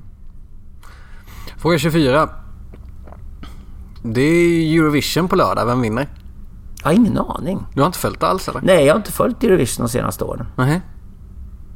Det, du... det, brukar vara så väldigt många dåliga låtar med så att det... Jag var nära att hamna där i år. I, i, jag hade skrivit en låt med Tim Norell och Ola Håkansson och Anders Hansson som vi skrev för några år sedan som ja. heter I Won't Cry. Och en ganska bra låt faktiskt visade sig. Mm. Den kom tvåa i den vitryska uttagningen. Det var någon form av korruption där med som gjorde att de hade redan bestämt vem som skulle vinna den där tävlingen. Och det var ett stort rabalder om det här i Östeuropa. Så att, jag blev indragen i det där. Det var så jag verkligen blev medveten om att jag hade en låt med i tävlingen som kom tvåa. Eh, tjejen som sjöng låten förtjänade bättre öde men, men låten blev en hit i alla fall på radio i massa länder och hon är jättenöjd och har en karriär och sådär. Så att vi har varit schyssta mot den här tjejen som sjöng den här låten. Men men jag höll ju på alltså, att alltså hamna i Eurovision-finalen i år som låtskrivare. Men, men eh, jag sörjer inte att jag inte är där. Jag hoppas de andra låtskrivarna som finns där är desto gladare.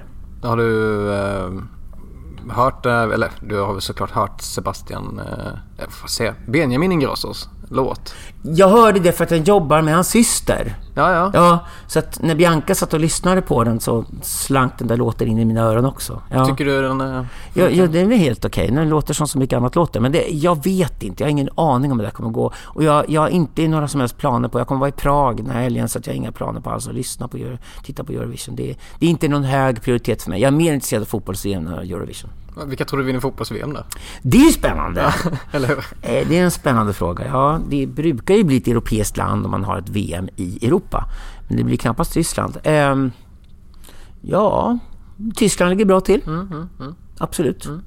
Men det är fortfarande en öppen fråga. Mm. Och i och med att det är så pass många omgångar nu där man blir utslagen direkt så är det också mer chansartat vem som vinner fotbolls-VM idag än vad det var för 30 år sedan. Brukar du um tippar rätt när det gäller fotbolls-VM och EM och stora turneringar? Ja, jag är väl hyfsat bra på att tippa. Jag spelar ju på hästar så att jag, Det handlar ofta om att ta bort all naivitet som andra spelare har. Du ska egentligen bara slå snittet när du spelar. Ja. Du ska vara bättre än snittet är. Um, så när du ser oddsen framför dig så du, du ser, okej, okay, det här är vad snittet bedömer. Okay.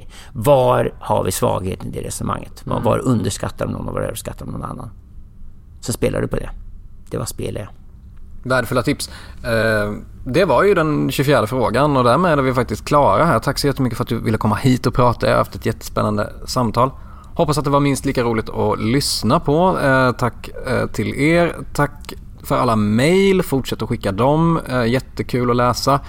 Och annars så, ja, glad Kristi himmelfärd på er och ut och njut i solen. Ni som har långhelg och ni som inte har det. Ni får väl vara lediga någon annan gång. Eh, tack Karl-Anders och tack alla fina lyssnare. Ja, och tack Alexander Bard och trevlig helg och hej då.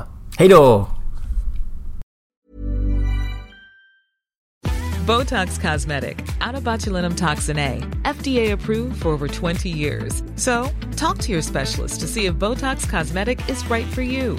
For full prescribing information, including boxed warning, visit BotoxCosmetic.com or call 877-351-0300. Remember to ask for Botox Cosmetic by name.